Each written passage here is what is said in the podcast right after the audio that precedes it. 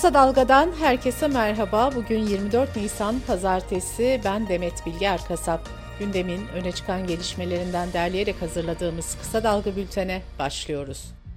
Türkiye Büyük Millet Meclisi'nin 103. açılış yıl dönümü ve 23 Nisan Ulusal Egemenlik ve Çocuk Bayramı Ankara'da düzenlenen törenlerle kutlandı. İlk tören Anıtkabir'de yapıldı. Milli Eğitim Bakanı Mahmut Özer, 81 ilden gelen çocuklarla Anıtkabir'i ziyaret etti. İkinci törenin adresi meclisteki Atatürk anıtıydı. Daha sonra devlet erkanı Anıtkabir'de düzenlenen törene katıldı. Törende Cumhurbaşkanı Yardımcısı Fuat Oktay, CHP Genel Başkanı Kemal Kılıçdaroğlu ve milletvekilleri yer aldı. Cumhurbaşkanı Erdoğan buradaki törene katılmadı. Resmi törenlerin ardından Anıtkabir halka açıldı.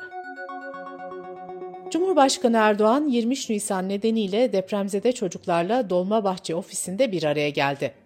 Erdoğan, Enerji Bakanlığı koltuğunda oturan öğrenciye muhalefeti şikayet etti. Öğrenciden nasıl yani yanıt alan Erdoğan, biz gazı bulduk diyoruz, onlar diyor ki nerede? Haritada bize Filyos'u gösterin ey muhalefet dedi. Millet İttifakı'nın Cumhurbaşkanı adayı ve CHP Genel Başkanı Kemal Kılıçdaroğlu ise Bir Gün Gazetesi için kaleme aldığı yazısında seçilmesi halinde çocuklar, gençler ve kadınlara söz verirken uyuşturucu çetelerini de ortadan kaldıracaklarını ifade etti. Kılıçdaroğlu yazısında şair Ahmet Telli'nin tüm acılar bitecek, sevgiler çiçek açacak dizelerine vurgu yaptı ve bundan kimsenin şüphesi olmasın dedi. Edirne cezaevinde bulunan HDP'nin eski eş genel başkanı Selahattin Demirtaş da Twitter hesabından paylaştığı 23 Nisan mesajında yeni parlamentonun sorunlara çözüm üretmesini istedi. Deva Partisi Genel Başkanı Ali Babacan da 23 Nisan paylaşımında 14 Mayıs'tan sonra güçlendirilmiş parlamenter sisteme geçileceğini belirtti. Saadet Partisi Genel Başkanı Temel Karamollaoğlu da mesajında Mustafa Kemal Atatürk başta olmak üzere istiklal mücadelesinin öncü kadrolarını şükranla yad ettiğini ifade etti. Karamollaoğlu, yaşanabilir Türkiye'yi birlikte inşa edeceğiz ifadesini kullandı.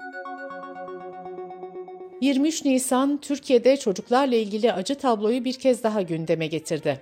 CHP Genel Başkan Yardımcısı Veli Ağbaba 23 Nisan nedeniyle yaptığı açıklamada çocuklarla ilgili çarpıcı verileri paylaştı. Türkiye İstatistik Kurumu'nun verilerine göre 15-17 yaş arası çocuk işçi sayısı 619 bin. Bu sayıya 15 yaş altı çocuk işçiler dahil değil.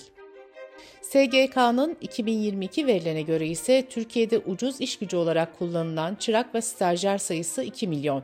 İki veri birleşince 2.6 milyon çocuğun ucuz iş gücü olarak kullanıldığı sonucu ortaya çıkıyor. İSİK verilerine göre 2018-2022 yılları arasında iş cinayetlerine kurban giden çocuk sayısı ise en az 330. Türkiye Kent Konseyleri Birliği Maraş merkezli depremlerden etkilenen çocuklar hakkında rapor hazırladı. Milliyet'in haberine göre raporda 5 milyona yakın çocuğun depremden etkilendiği belirtildi.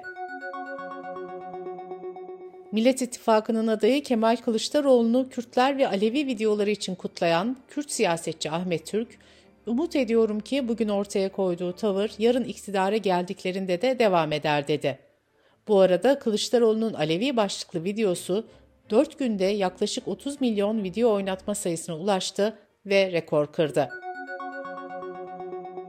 Seçimlere 20 gün kala partilerde seçim çalışmalarına hız veriyor. Yeşil Sol Parti mitinglere bugün başlıyor. Parti 20 günde 65 miting yapacak. Kısa Dalga Bülten'de sırada ekonomi haberleri var. Kamudaki 700 binden fazla kamu işçisinin mali ve sosyal haklarının belirleneceği toplu iş sözleşmelerinin 1 Mayıs İşçi Bayramı'ndan önce imzalanması bekleniyor. Kamu işçisi ilk 6 ay için %45 zam istiyor. Hükümet ise %40 öneriyor.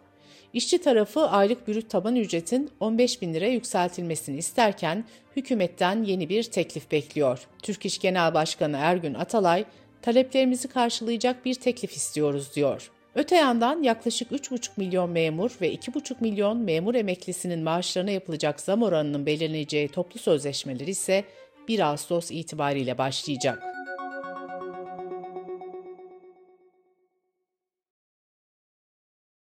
Merkez Bankası Para Politikası Kurulu 27 Nisan'da faiz kararını açıklayacak. Banka bir önceki toplantıda politika faizini %8,5 seviyesinde sabit tutmuştu. Yüksek soğan fiyatlarına yönelik eleştirilere Hazine ve Maliye Bakanı Nurettin Nebati'den ilginç bir yanıt geldi. Nebati şunları söyledi. Şimdi yeni ürün çıkmaya başladı ve soğan fiyatları aşağı gitmeye başladı. Ben onlara diyorum ki git cücüğüyle oyna biraz cücüğüyle. Türkiye'nin ilk çeyrekte ülkeler bazında gerçekleştirdiği ihracat 54.3 milyar dolara yükseldi. En fazla dış satım Almanya ve Amerika'ya yapıldı. Dış politika ve dünyadan gelişmelerle bültenimize devam ediyoruz. Sudan'da ordu ve milis güçler arasındaki çatışmalar geçici ateşkese rağmen sürüyor. Genelkurmay Başkanı El Buhran ve milis güçlerin komutanı Dagalo bazı yabancı ülke vatandaşlarının tahliyesine izin verdi. Türkiye'nin Hartum Büyükelçiliği Sudan'da çatışma bölgesinde bulunan Türk vatandaşlarının tahliye edileceğini duyurdu. Amerika ordusu ise helikopterle Hartum'daki ABD Büyükelçiliğine indirme yaptı ve elçilik çalışanlarını tahliye etti.